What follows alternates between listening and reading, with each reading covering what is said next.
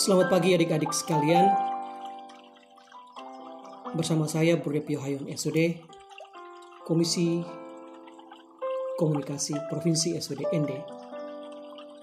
Di pagi hari ini saya uh, menemani adik-adik sekalian dengan mengambil sebuah tema sederhana yaitu uh, belajar dari debu. Ya, uh, adik-adik pasti tahu tuh debu itu seperti apa. uh, debu itu sebenarnya itu partikel yang sangat kecil dan kasat mata. Karena kita bisa lihat, gitu. tapi dia selalu ada itu. Dan uh, salah satu ciri khas dari debu itu adalah selalu datang kembali. Dan dia berada hampir di semua tempat. Selalu selalu ada debu bahkan tempat yang paling tersembunyi pun debu ada di sana itu. Oke adik sekalian, saya hanya beri contoh saja ya, mungkin kami laki-laki ini kalau sapu di kamar itu, hei satu minggu satu kali, itu pasti mengerti saja itu, itu debu sudah bertumpuk itu. Saya coba uh, menyapu itu ya, sudah pertama dan saya coba toleh ke belakang lagi. Oh ternyata masih ada beberapa tempat yang masih itu lalu saya sapu lagi. Begitu saya sapu lagi pun uh, debu masih ada juga itu ya. oke adik-adik sekali uh, kita mau belajar apa dari debu ini kita sudah memasuki masa puasa, masa prapaskah kita pada hari Rabu, Rabu yang lalu.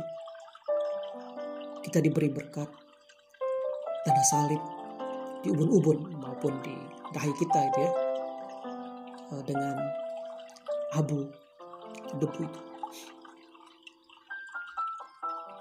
Pemberian abu itu itu sebagai tanda menyatakan bahwa kita ini masih manusia lemah. Kita ini manusia rapuh. Maka masa prapaskah itu juga masa pertobatan untuk kita untuk mau belajar membaharui diri dengan doa tapa dan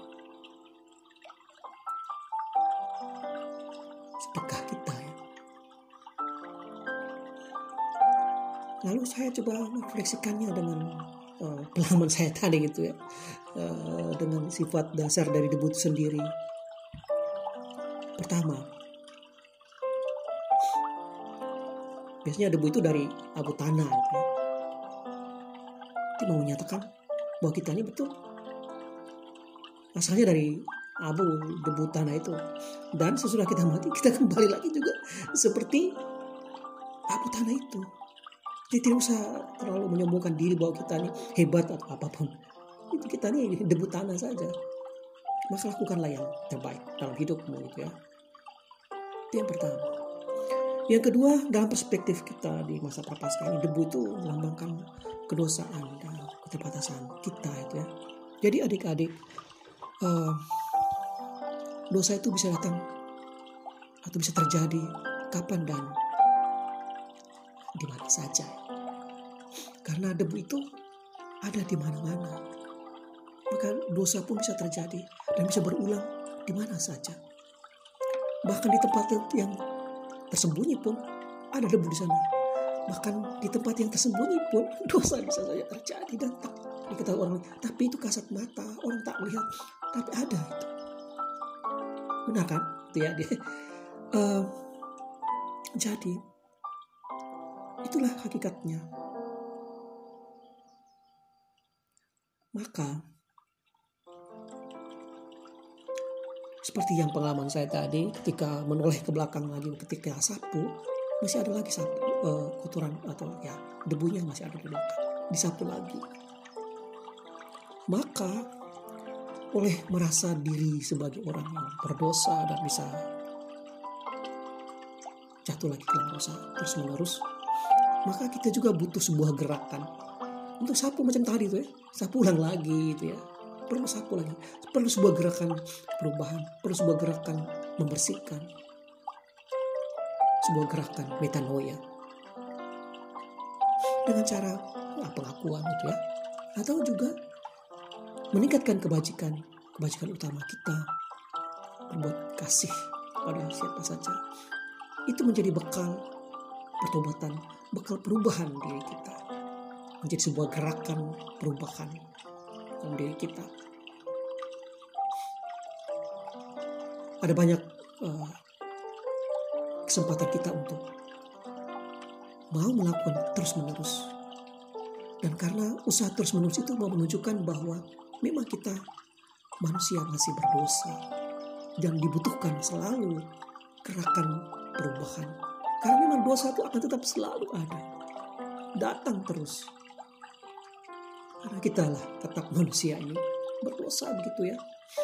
Jadi tidak perlu terlalu menyombongkan diri bahwa kita ini hebat atau kita ini luar biasa atau apa pun itu. Karena kita ini selalu melekat dengan debu dengan dosa. Maka baiklah kita selalu belajar dari debu ini untuk tetap membaharui diri kita karena kita tetap merasa diri berdosa.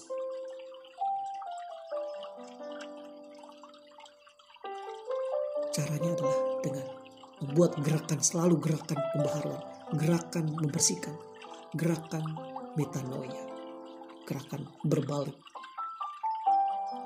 Itulah adik-adik sekalian. Semoga kita selalu dimampukan untuk membangun dalam diri kita gerakan perubahan terus menerus. Gerakan membersihkan, gerakan metanoia terus menerus. Agar debu dosa hati kita selalu dibersihkan, selalu disempurnakan. Karena memang kita selalu mengambil bagian dari kesempurnaan Allah. Oke? Okay? dan kita menuju ke kesempurnaan Allah karena memang Allah adalah sempurna adanya. Baiklah adik-adik, bersama saya Brep Yohayon SWD, Komisi Komunikasi Provinsi SWD ND. Sekian dan terima kasih.